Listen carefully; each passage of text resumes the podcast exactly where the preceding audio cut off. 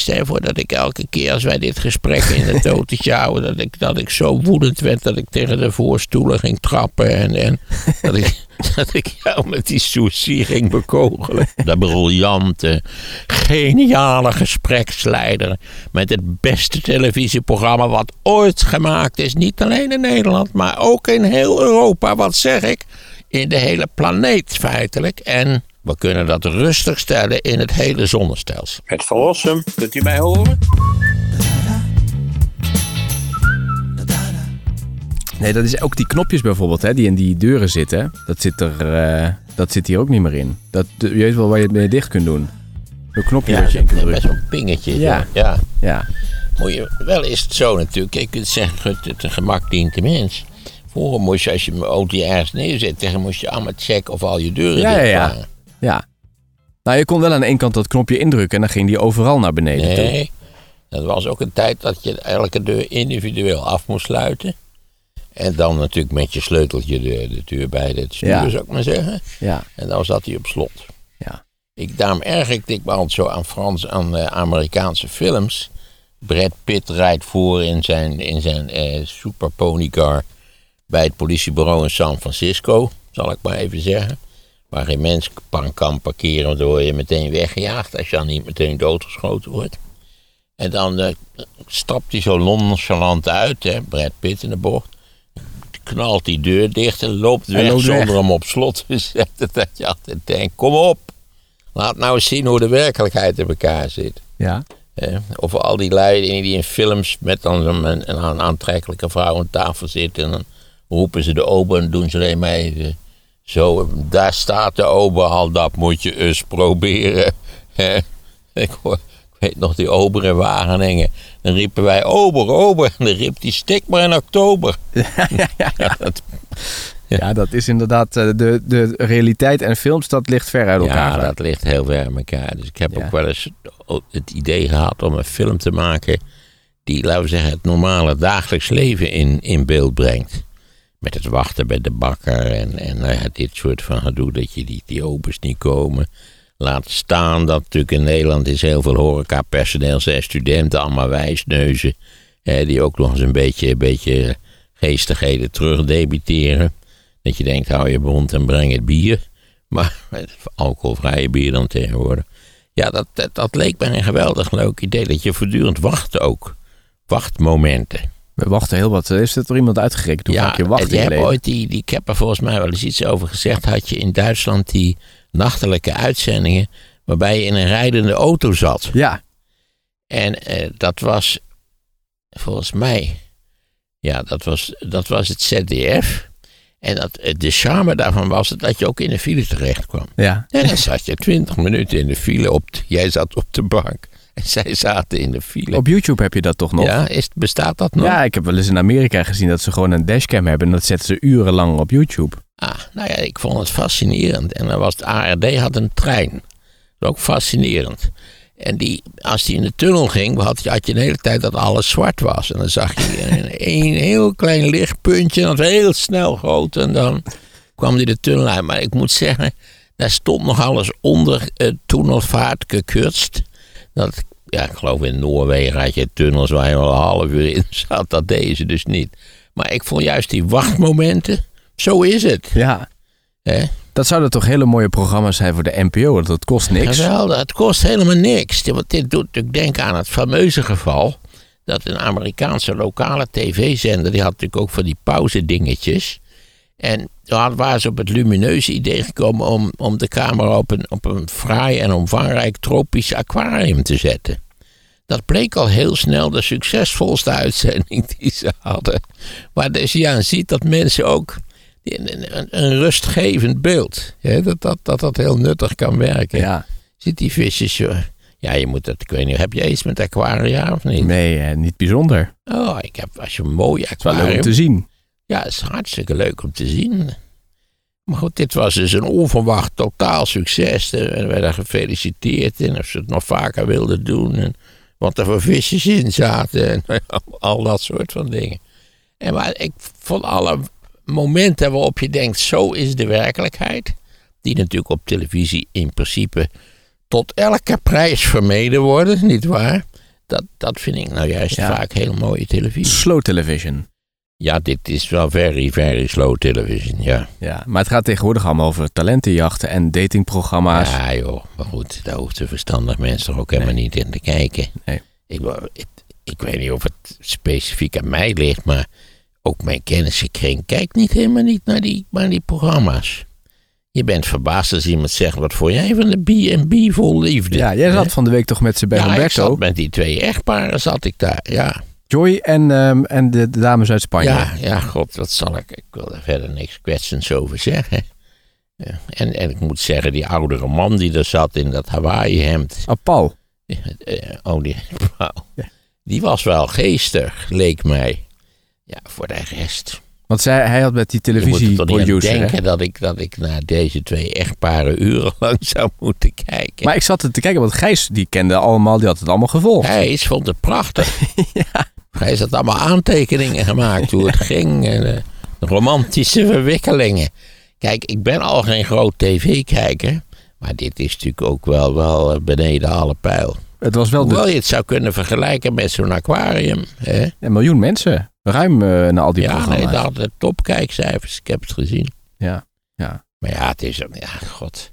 Het, het wonderlijke van tv is dat het natuurlijk een, een fantastisch medium is. Omdat je ten eerste vaak een, een, een directe indruk krijgt van historische gebeurtenissen. Want ja, er staat altijd wel iemand bij. Tegenwoordig ook met een iPhone eventueel. Eh, of al heel snel een cameraploeg. Eh, dat je natuurlijk, eh, laten we zeggen, de leeuwen op de Serengeti, dat je die ook van dichtbij kunt waarnemen met alle bijzonder positieve gevolgen dat je er godzijdank niet meer heen hoeft zelf. Dat scheelt ook enorm. En al die andere prachtige dingen. Maar dat de overgrote deel van het aanbod op de televisie van een verbijsterende kinderachtigheid is. Kookprogramma's, nou ja, je zei het al, datingprogramma's. Dat je denkt, ik vond mijn eigen dating al strontvervelend. Laat staan dat ik urenlang zou willen kijken naar de dating van andere personen. Die op mij ook niet een. Dat je zegt, goh, ik zou wel eens willen weten wat die nou zo over het leven denken. Nee, die had ik totaal niet, eerlijk gezegd. Dus ja, het, het, doet ook een beetje denken. Mijn zuster, die overigens tenslotte helemaal, helemaal jaren helemaal geen televisie had meer, niet meer had gekeken. Die dan bij het nieuws, waren op nieuws allemaal verschrikkelijke dingen. Burgeroorlog hier, ontploffende vulkanen daar, je kon het zo verschrikkelijk. En dan was het een van de slotitems was...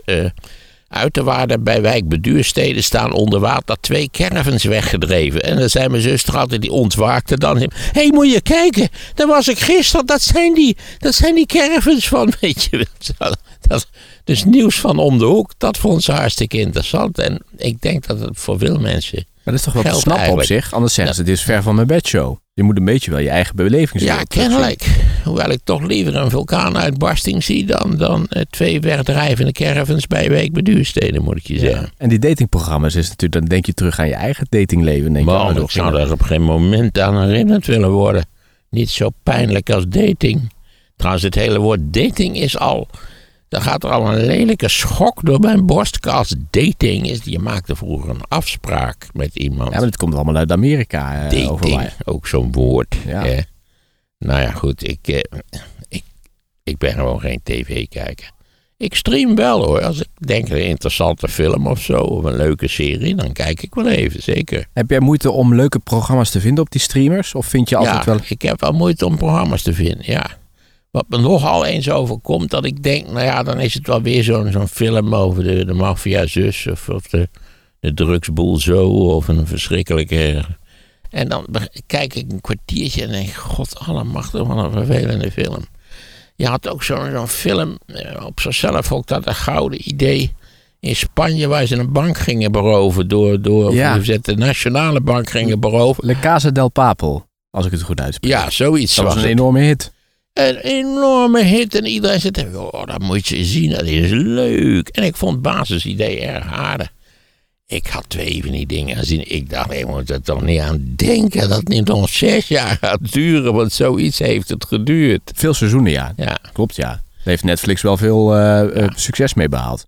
nee, dus dat, dat, eh, dat vind ik wat. Ik heb wel bijvoorbeeld, heb ik de Mandalorian bekeken. Niet omdat ik die verhalen erg sterk vond overigens, maar ik vond de, hoe zal ik dat zeggen, de decors, om het maar zo te zeggen, echt schitterend gemaakt soms. Dat je denkt, potverdomme, die Amerikanen kunnen toch wat. Ja, maar hoe vind jij dan iets wat je interessant vindt? Want jij hebt het abonnement op al die verschillende ik heb al die streamingsdiensten. Dus ik, ook, als iemand zegt, goh, je moet eens kijken naar zus of zo.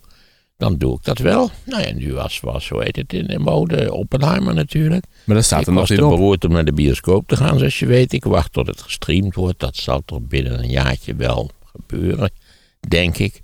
En toen heb ik naar die film gekeken van Nolan Interstellar. En, en, en volgens kennissen was dat ook een geweldige film. Die Van Rossum ongelukkigwijs niet zo geweldig vond. Ja, het, het, als je hoeft er ook maar iets van af te weten.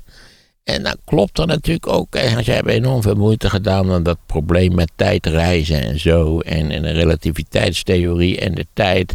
Om dat min of meer overtuigend in beeld te brengen. Maar mij overtuigde het totaal niet. Laat staan dat ze dan op, op andere planeten landen. Of dan precies dat in onze melkweg. Maar dat gaat dan ook door wormgaten. Nou, dat wou er bij mij gewoon niet in. Het is spijtig, maar het wou er bij mij niet in. Omdat, omdat je dat on- ongeloofwaardig vindt, of? Ja, ongeloofwaardig. Dat kon ik. Kijk, Star Wars is zulke ongelooflijke poppenkast. Dat is natuurlijk gewoon een, een kabouterverhaal, maar dan, maar dan tussen de sterren, zal ik maar zeggen. Dat je dat voor, voor lief neemt. Maar juist omdat hier pretenties zijn, heb je er moeite mee. Ja. Dus als je dat dan ziet, dan haak je eigenlijk al af. Dan denk je van, dit kan niet. Nou, ik heb de film wel uitgekeken. oh, dat wel. Maar ik was er niet echt. Ik, ik was er niet zo. Ja, het is zelf een verdienstelijke film. Die lui kunnen wat. Hè. Ja, een Amerikaanse films, het geluid altijd prima. En nou ja, sterker nog, ze, Mooi verstaan, beeld. ze verstaan hun vak. Ja. Daar komt het op neer. Eh, maar ik vond het niet zo geweldig als iedereen het vond. Hm. Dus ja, ik heb nogal moeite om leuke dingen te vinden. En dan heb ik iets leuks gevonden en dan maak ik daar reclame voor en dan kijkt daar nooit iemand naar. Dat was dat Babylon Berlijn. Een meesterlijke serie. Waar staat hij op?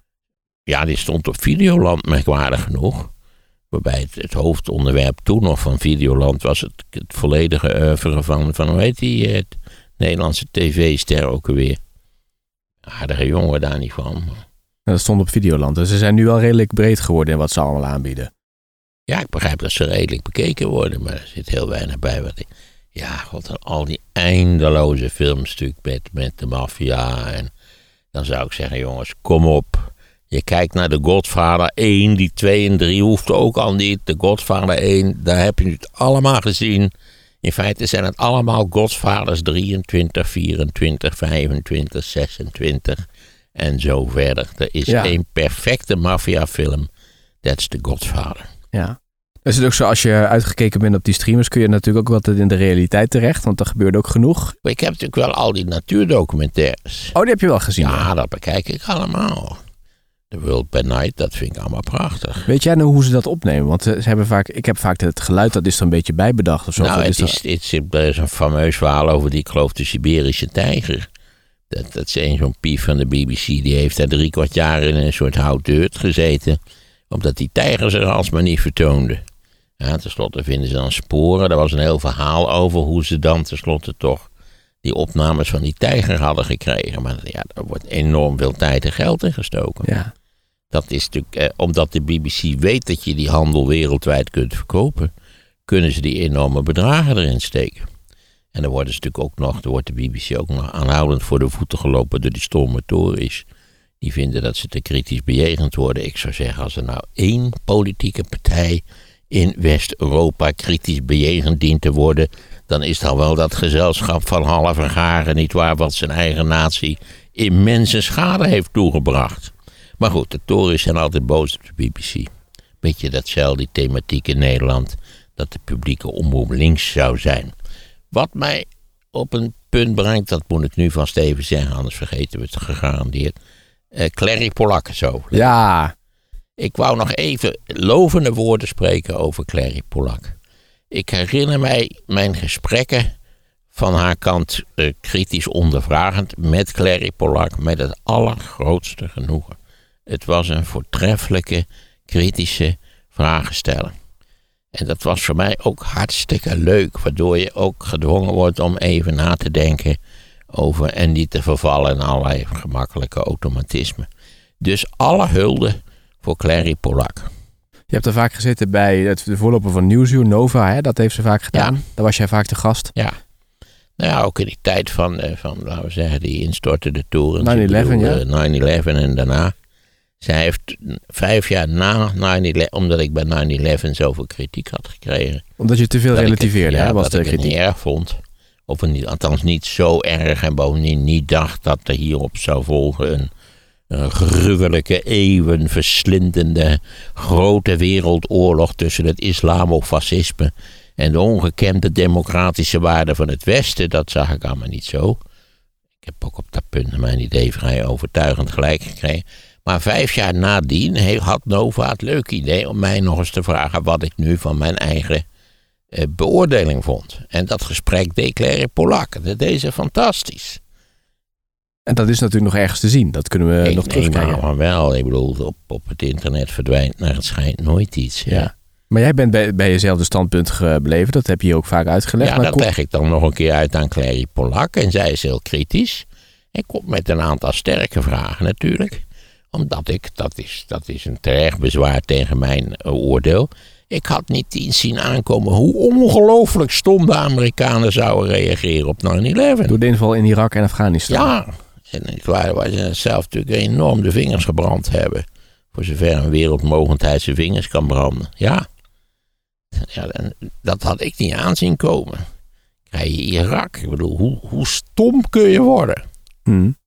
Maar dat was natuurlijk ook niet eh, de vraag aan jou van hoe gaat Amerika hier nou op reageren, toch? Het was vooral Nee, van... nee, het was het idee van die wereldoorlog en die titanenstrijd die zich zou ontwikkelen in de loop. Dat dit conflict de hele 21ste eeuw zou domineren. Ja, dat is er niet van gekomen, laten we het zo zeggen. Ja, bij mij historicus Maarten van Rossum. Welkom. Destijds eh, vijf jaar geleden ook studiogast. Toen in een uitzending van de gezamenlijke omroepen over de aanslagen op het WTC en het Pentagon. En dan gaan we even naar een stukje kijken.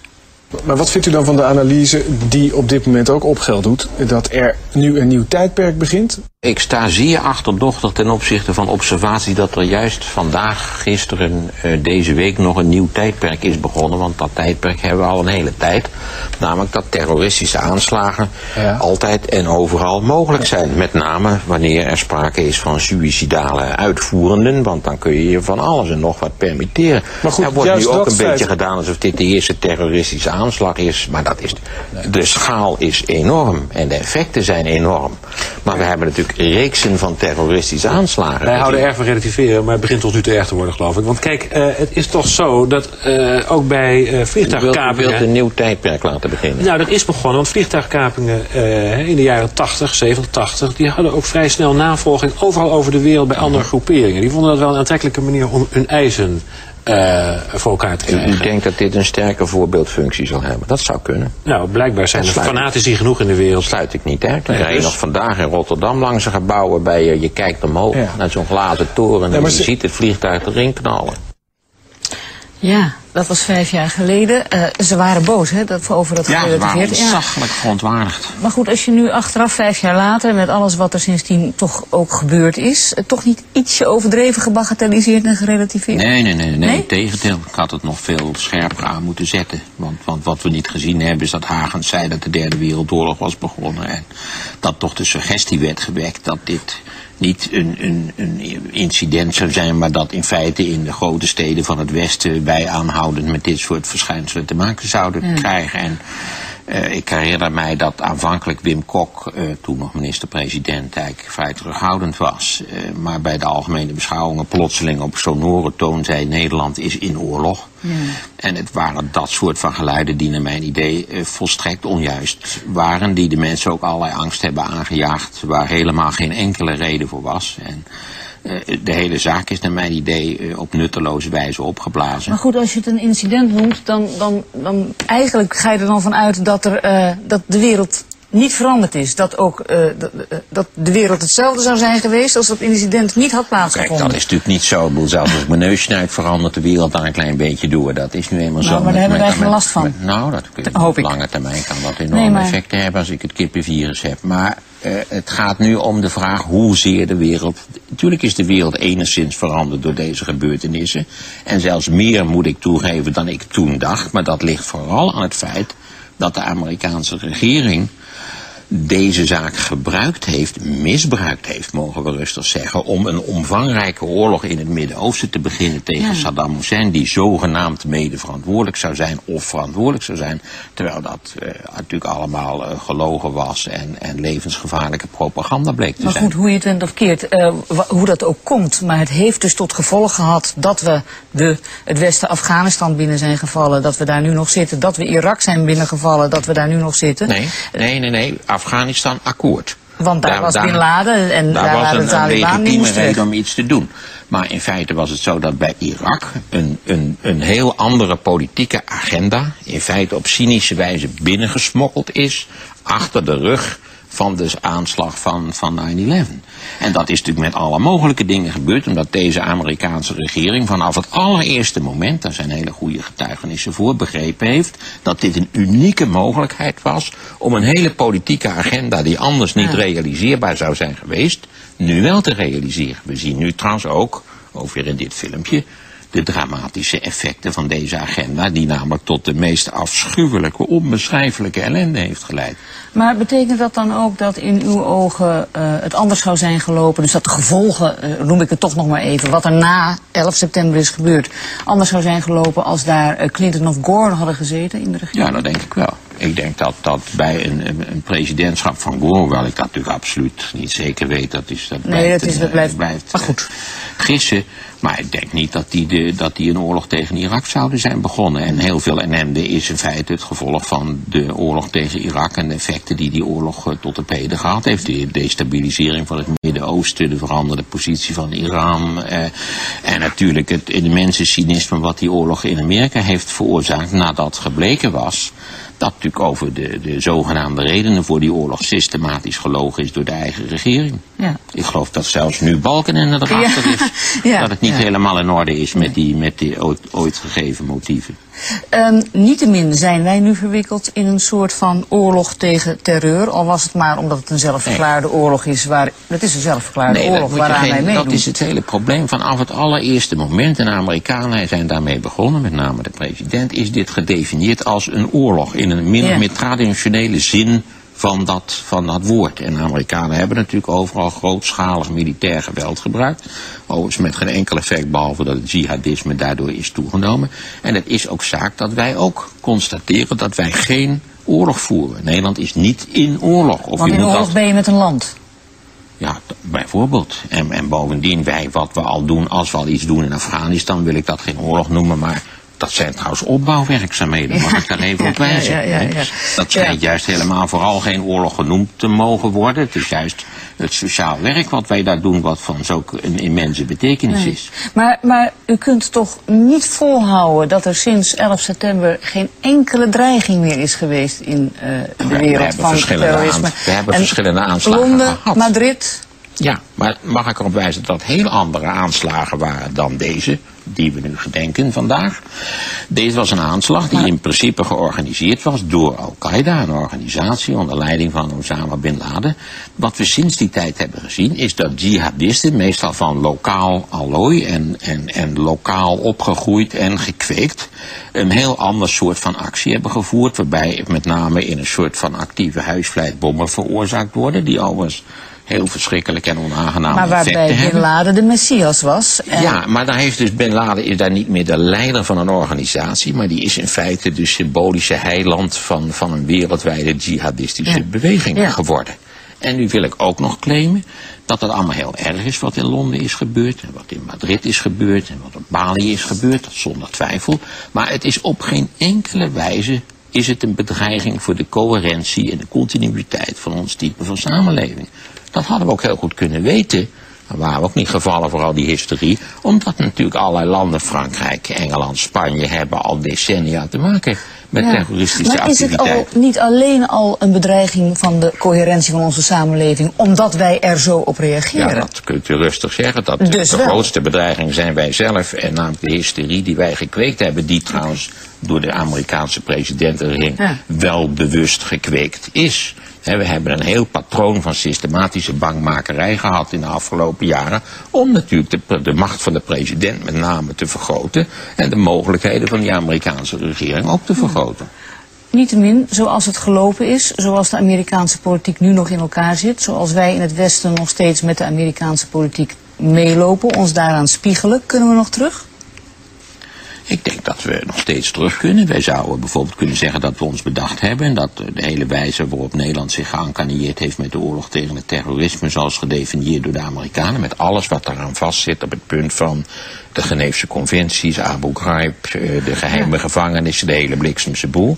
Dat we daar ons simpelweg niet mee uh, willen inlaten. Maar dat zullen we niet doen. Jammer genoeg niet. De Nederlandse regering heeft daar bijvoorbeeld anders dan de Belgische een volstrekt verkeerde keuze gemaakt. En overigens tot op heden in de volksvertegenwoordiging niet duidelijk gemaakt waarom die keuze gemaakt is. Dan is de vraag, hoe lang gaat dit nog duren, deze angst die we onszelf steeds weer Nou, aanpraten, is- het is- laten ja. aanpraten. eh, Ja, we, we moeten enorm oppassen dat we ons niet banger laten maken dan noodzakelijk is. En dat niet willekeurige personen, je ziet dat nog wel eens op het scherm. eh, dat iemand in Koevoorde zegt, ja ik ben zo bang voor terrorisme. Wordt uw verhaal niet anders als er morgen inderdaad hier een terreuraanslag Nee, wordt helemaal niet. Ten eerste zou dat waarschijnlijk een vrij kleinschalige aanslag zijn. En wat ik er zo van heb gezien tot op heden, maken de, de, de jihadisten op mij een weinig competente indruk. Ik hoop niet dat ik u nog een keer aan uw woorden hoef te herinneren, overigens. Nou, zelfs als een aanslag zou plaatsvinden, dan lijkt mij nog steeds mijn betoogrecht overeind te staan. Het gaat namelijk om de, om de cohesie en de continuïteit van ons type van samenleving. Dat wordt meer bedreigd door datgene wat de Amerikaanse regering heeft gedaan sinds 11 september dan door de jihadisten. Dank voor uw komst. Maar je moest dus aan Clary Polak denken toen je Ja. het had over de linkse publieke omroep. Want dat is natuurlijk Ja, wat ze- precies. Want op een goed moment is, is, moest zij bij Nova verdwijnen. Want anders maakte een te linkse indruk. Ze was helemaal niet links, ze was kritisch. Eh, maar je weet dat bij, bij rechts nooit iemand kritisch is. Ja, op, op wat zij denken dat links is. Eh, maar nooit op zichzelf. Dat is het zwakke punt van rechts natuurlijk.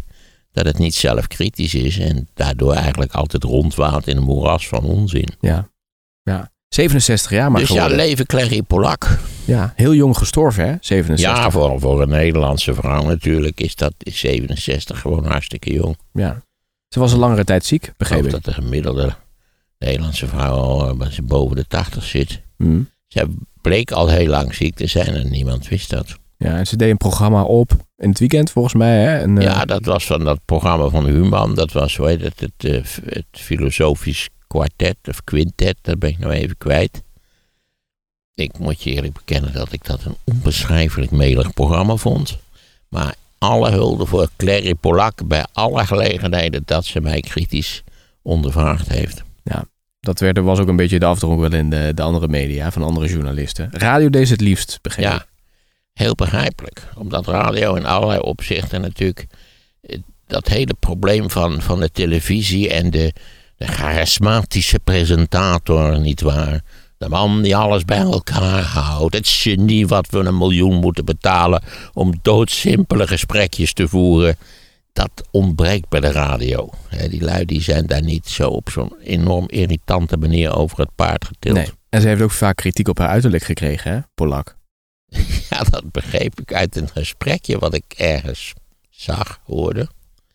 Ja, dat is allemaal vol, volstrekte nonsens. Ja. Je weet toch dat ook nog eens een keer een prima voor, eh, nieuwslezeres ontslagen is omdat ze te oud werd. Ik ben nou vergeten hoe ze heette, maar dat je ook denkt, wat een, wat een wonderlijke regels houden ze erin, Milversum op na. Nou ja, het Dat- zij zo. Ze heeft in ieder geval ook vaak, eh, eh, of ze heeft in ieder geval de Sonja Barend Award gekregen voor een interview. Tweemaal zelfs, begreep ik. Ja, één keer voor een interview met iemand van de DSB-bank, begreep ik.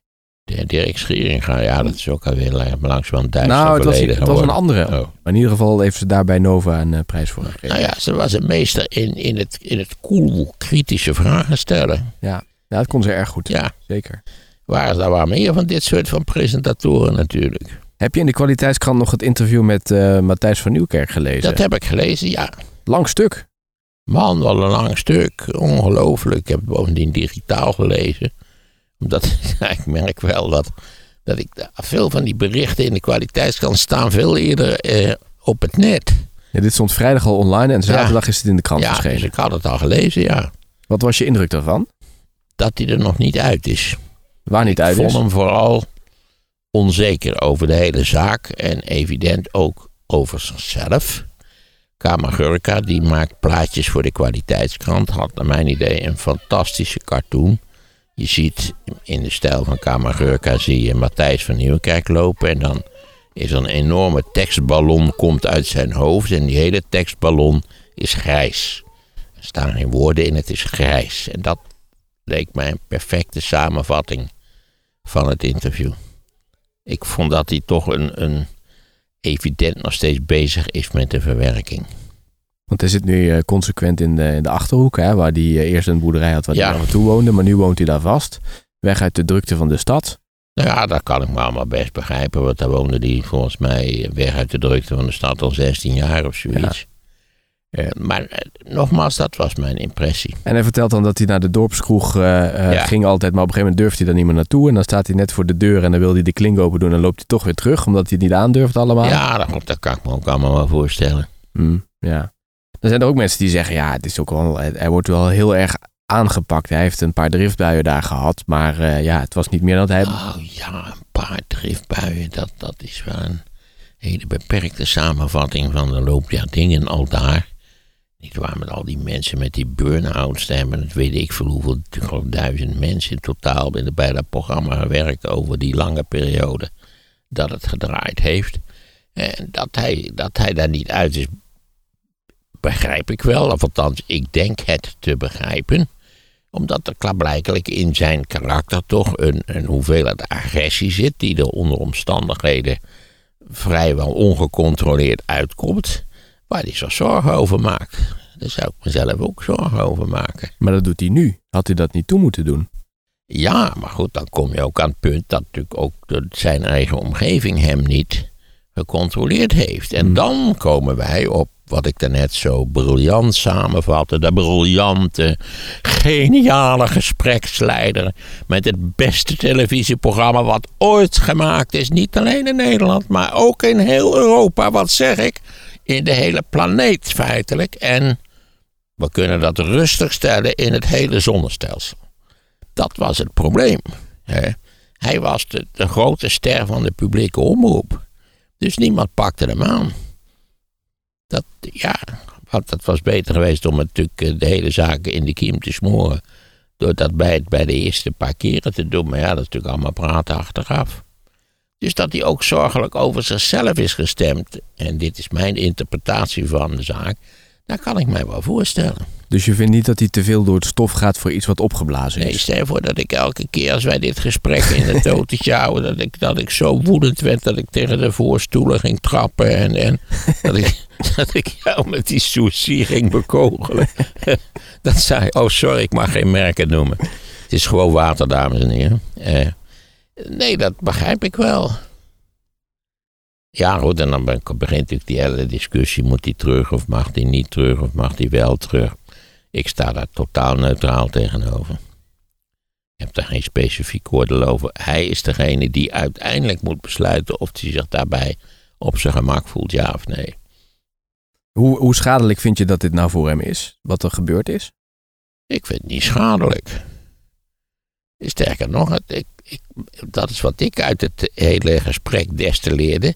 Dat hij nog heel onzeker over die hele zaak is. Dus echt schadelijk kan dat toch niet wezen. Maar ik bedoel voor zijn Hij imago. maakt eigenlijk een, een, voor, voor een geniaal gespreksleider maakte hij eigenlijk een, een hele kwetsbare en normale indruk. Hmm. En Dat past hem natuurlijk in deze situatie ook wel. Is hij natuurlijk heel arrogant. Ja, maar ik had wel de indruk dat het, dat het authentiek, het kwam wel Ja. authentiek over. Ja. Maar hij is niet zo erg beschadigd dat je denkt hij kan niet meer terug. Ik heb geen idee. Hmm. Wat ik al zeg, dat is eigenlijk voornamelijk aan hemzelf. Ja, en dan de... of hij zich daar happy bij voelt. Nou, Jan Slachter heeft al gezegd, wat mij betreft kan die prima terug. Misschien bij Omroep Max, misschien bij een andere omroep. Ja, maar bij, bij Slachter die heeft altijd een heel ruim toelatingsbeleid, om het maar even zo te zeggen. Daar zal de een anders over denken dan de ander. Ik sta daar volledig. Ik, ik denk dat het belangrijkste criterium is of hij zelf terug wil. En dan zijn er natuurlijk allerlei modaliteiten. Eh, hij kan terug en dat er dan 16 zo'n fanfarekorpsen gehuurd worden en een rode loper. En dat hij dan naar de hoofdingang van het Mediapark passeert en zo. Dat is mogelijkheid één. Eh, Je kan ook in een adviserende rol. Je kunt op de achtergrond iets doen. Je kunt dus starten met, met weet ik veel eh, adviesfuncties, eh, leuke ideetjes. Vrijwel iedereen die ooit bij de televisie iets heeft gedaan, heeft leuke ideetjes. Eh, mits gepresenteerd vanzelfsprekend door Frans Bauer. Eh, dus daar zijn, dat kan alle kanten op. Maar ik denk dat het meer in hem zit dan in of Slachter hem terug wil of dat andere tv-bazen hem terug willen. Hij moet zelf weer het zelfvertrouwen hebben Ja. om terug te Ja, komen. dat denk ik. Ja. En dat te willen doen. En dat is Ja, hij nu dat nog niet uit. En dat is aan hem. Ja. Hè, dat lijkt me. En, er waren natuurlijk ook stemmen die zeiden: ja, laat hij nou niet de fout maken dat hij naar de commerciële gaat, laat hij naar de publieke omroep gaan. Ik denk dat hij zelf intelligent genoeg is om dat ook wel te begrijpen en te doen. Maar ik zou hem zeer willen afraden om naar de commerciële te gaan. Die geluiden hoor je natuurlijk omdat Frans toch- Klein bij dat SBS is zit. toch afbraak van alles. Niet waar, wat, wat neigt naar subtiliteit, naar enige vorm van nuance, naar enige vorm van humaniteit. Kijk naar Jack Spijkerman, die heeft het aan de lijf ondervonden. Nou, niet alleen Jack Spijkerman, maar wat dat dacht je van Jinek? Ook weer terug. Hoe lang heeft ze daar gezeten? Twee jaar? Ja, maar die is, niet, die is niet qua imago helemaal ingestort. Die kan nu prima weer terug. Nou, ik moet je zeggen. Ja, zij deed me toch denken aan, aan sommige van die Romeinse gebouwen die in Italië licht verwaarloosd worden. Waardoor er dan een klein struikje in de dakgoot groeit. Ja, ik denk wel dat ze licht beschadigd is. In mijn ogen. Mij ook toen, zij dat, toen dit allemaal aangekondigd werd. Ook omdat zij de meest geniale talkshow-leider van, van eh, enzovoort was. Dacht ik, ik, ik vind dat niet verstandig. Maar ze heeft bij... Ik eh, vind dat die RTL, eh, daar ga je aan ten onder als je serieuze ambities hebt. Inhoudelijk bedoel ik. ja, maar Dat, dat, RTL leidt altijd tot vage kletskoek en, en, en zangeresjes enzovoort. Dat neemt niet weg dat ik het laatst heel leuk vond om bij Umberto te zitten. Maar goed, dan mag je zeggen wat je wil zeggen. ja, je bent er te gast natuurlijk. Je staat dan niet op de loonlijst. Mm. Dat is natuurlijk een verschil. Maar Jinek heeft dan niet hele slechte cijfers gescoord. Ze heeft niet, niet constant de pannen van de dak gescoord. Ah, er waren dramatische avonden bij hoor. Ik kan je verzekeren dat Qua kijkcijfers of qua inhoud? Of beide? Ik denk beide. Oké. Maar goed, zij kan nu terug. En ze zeggen nu dat zij eh, dat 7 uur tijdslot bij eh, NPO 1 gaat doen. Het oude De Wereld Draait Door tijdslot.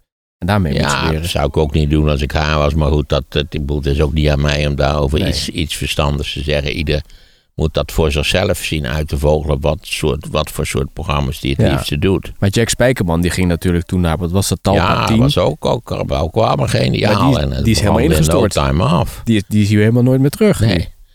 En toen heeft hij ook zijn contract verbroken en zo. Dat je ook denkt, voor die luizige centen, sorry. Ja, dit zijn allemaal mensen die echt gegarandeerd bovenmodaal verdienen.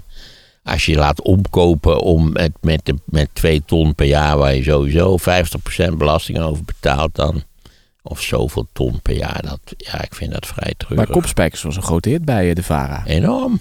Dat deed ontzettend goed. Ja, dat is meteen ingestort aan de andere ja. kant. ja. Dat, Eh, Ook omdat ik denk, maar ja, daar zouden ze een keer solide onderzoekingen over moeten worden gedaan.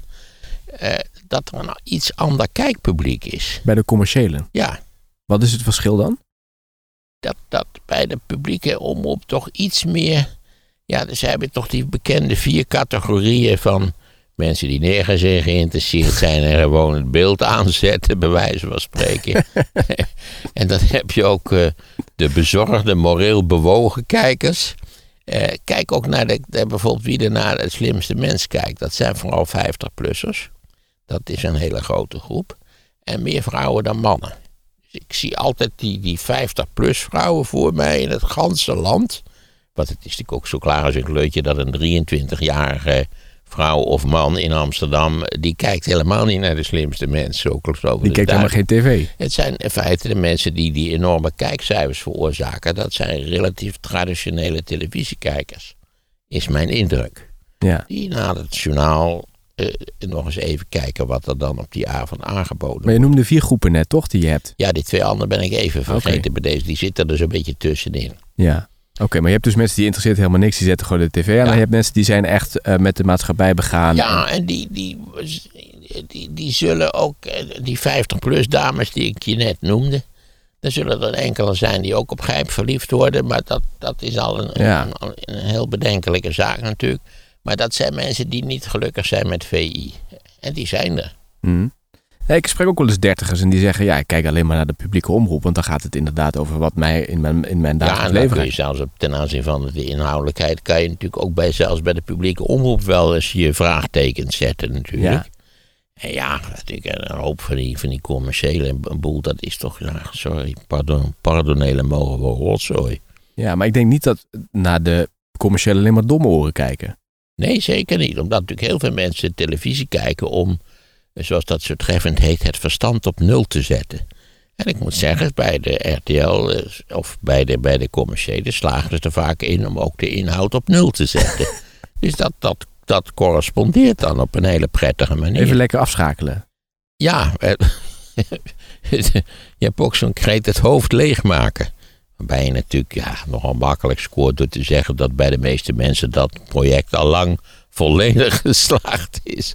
Maar goed, ja, dat, ik, ik denk dat heel veel mensen gewoon, eh, ja, inderdaad, alles op nul zetten en dan, Ja. en dan nog even willen relaxen bij die flauwekul. ja. De, Van die datingprogramma's. D&B, ja, Ja. met Paul en Debbie. Maar de reden dat dat van Van Nieuwkerk in het nieuws was dat hij misschien naar de commerciële gaat, heeft ermee te maken dat Frans Klein, natuurlijk de baas van ja, dat begreep ik ook. die Nou nu ja. bij SBS, Ja. de baas. Ja, ik zou zeggen, ook dit is volledig aan Van Nieuwkerk zelf. Ik ben wel de laatste om die man advies te willen Ja. geven. Eh, maar goed, inderdaad, het lijkt mij stom. Maar wat we niet moeten vergeten is dat er bij de NPO nog een onderzoek loopt. Volgens mij is dat vanuit de wereld. Ja, je zou ook kunnen zeggen, dat zeiden ook diverse commentatoren, wacht nou eens even tot dat hele onderzoek klaar is. En dan kun je nog een soort algemene maatschappelijke discussie voeren. Wat is daar nou eigenlijk misgegaan en hoe zou dat moeten veranderen? Iemand als Tom Egbers is natuurlijk in, in, in deze zaken, in dit struikgewas, eh, verward geraakt. Eh, ja, het- ik zou ook zeggen, doe voorzichtige stappen. Nou, misschien is het wel netjes dat je wacht, want dat is de kritiek op Frans Klein, dat de onderzoeksresultaten er zijn en dat je dan bekend gaat maken wat je gaat doen.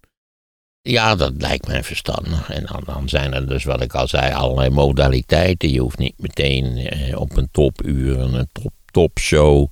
Sowieso dit type van retoriek eh, over Nederlandse televisieprogramma's. Denk ik altijd, kalm aan maar jongens. Hè? Het is een uithoek Ja. waar wij in wonen. Nou hoorde ik dat, eh. Ik hoorde dat de slimste ook niet zo veilig is. in, in welke zin? Nou, dat, dat daar mensen allemaal van, van de tribunes afvallen. Ja, dat is een heel interessant verhaal. Ik heb beloofd dat ik daar niets over Oh, zou mag je zeggen. niks over zeggen. Maar ik wil er wel één ding over zeggen. Het was onze schuld helemaal niet. Het was ook niet de schuld van de opnamelijster. Het was onze schuld niet. Verder treed ik niet in Oké. detail. Ik heb beloofd dat niet te doen. Nee. Maar om dit te vergelijken met, met dit type van drama's, dat zou wel heel onrechtvaardig zijn. Die toon werd al wel meteen aangeslagen. Dat we daar expres met z'n allen een bejaard echtpaar omhoog gejaagd hadden. terwijl we wisten dat er een immense afgrond, niet waar, achter de tribunes was. waarin die mevrouw praktisch bijna om het leven is gekomen. Nee. Maar ja, ik heb eerder mijn, mijn kritiek. eh, de mediapers, dat is wel een droevig zooitje. Al met al. Jongen, jongen.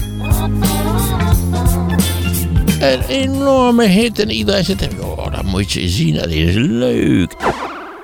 Ach, die Europeanen, dat zijn vuile imperialistische veroveraars. Nog meer geschiedenis hoor je in het luisterboek Industriële Revolutie. Moordzuchtige types die de wereld halverwege naar de verdommenis hebben geholpen. Maarten van Rossum geeft drie uur lang college. Eigenlijk had de industriële revolutie zich in China af moeten spelen. Bekijk de beschrijving bij deze podcast en dan vind je vanzelf de link naar het luisterboek. En wil je nog een podcast luisteren? Luister dan nu naar Sea Level over de kwantumtechnologie. En hoor hoe Nederland probeert mee te doen bij de allerbeste ter wereld als het gaat om deze vooruitstrevende techniek. De link naar de podcast vind je in de show notes.